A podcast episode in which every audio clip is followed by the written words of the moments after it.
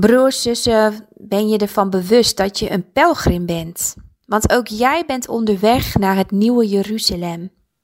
En Johannes heeft een inkijkje gekregen in de plek waar wij, zonen en dochters van de levende God, straks terechtkomen.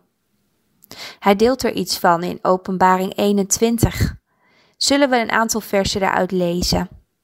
En ik zag een nieuwe hemel en een nieuwe aarde, want de eerste hemel en de eerste aarde waren voorbij gegaan.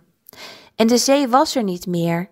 En ik, Johannes, zag de heilige stad, het nieuwe Jeruzalem, neerdalen van God uit de hemel, gereed gemaakt als een bruid die voor haar man sierlijk gemaakt is.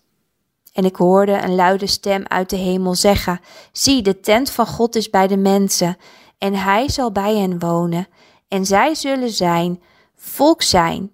En God zelf zal bij hen zijn en hun God zijn. En God zal alle tranen van hun ogen afwissen. En de dood zal er niet meer zijn. Ook geen rouw, jammerklacht of moeite zal er meer zijn, want de eerste dingen zijn voorbij gegaan. En hij die op de troon zit, zei: Zie, ik maak alle dingen nieuw. En hij zei tegen mij: Schrijf, want deze woorden zijn waarachtig en betrouwbaar. En hij zei tegen mij: Het is geschied. Ik ben de Alpha en de Omega, het begin en het einde. Wie dorst heeft, zal ik voor niets te drinken geven uit de bron van het water des levens. En wie overwint, zal alles beërven.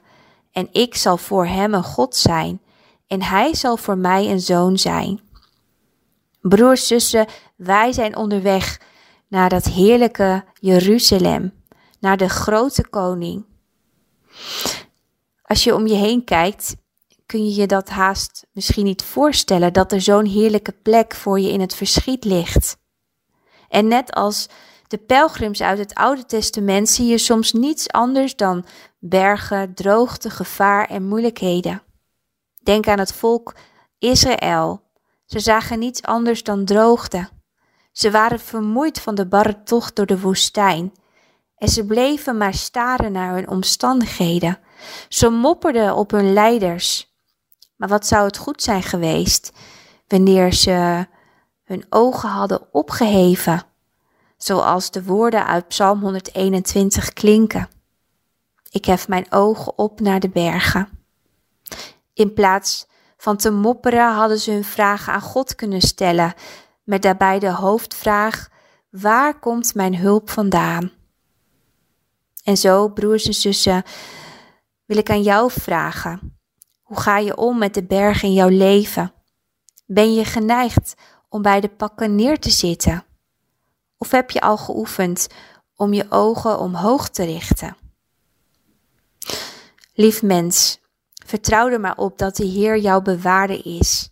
Weet dat Hij naast je loopt op weg naar het nieuwe Jeruzalem. De Heer is de schaduw aan je rechterhand. En zo onlosmakelijk als je schaduw met je meegaat, zo onlosmakelijk gaat Christus met jou mee. We zijn onderweg. En zelfs op dorre plekken is er leven te vinden. Kijk maar. Kijk maar goed.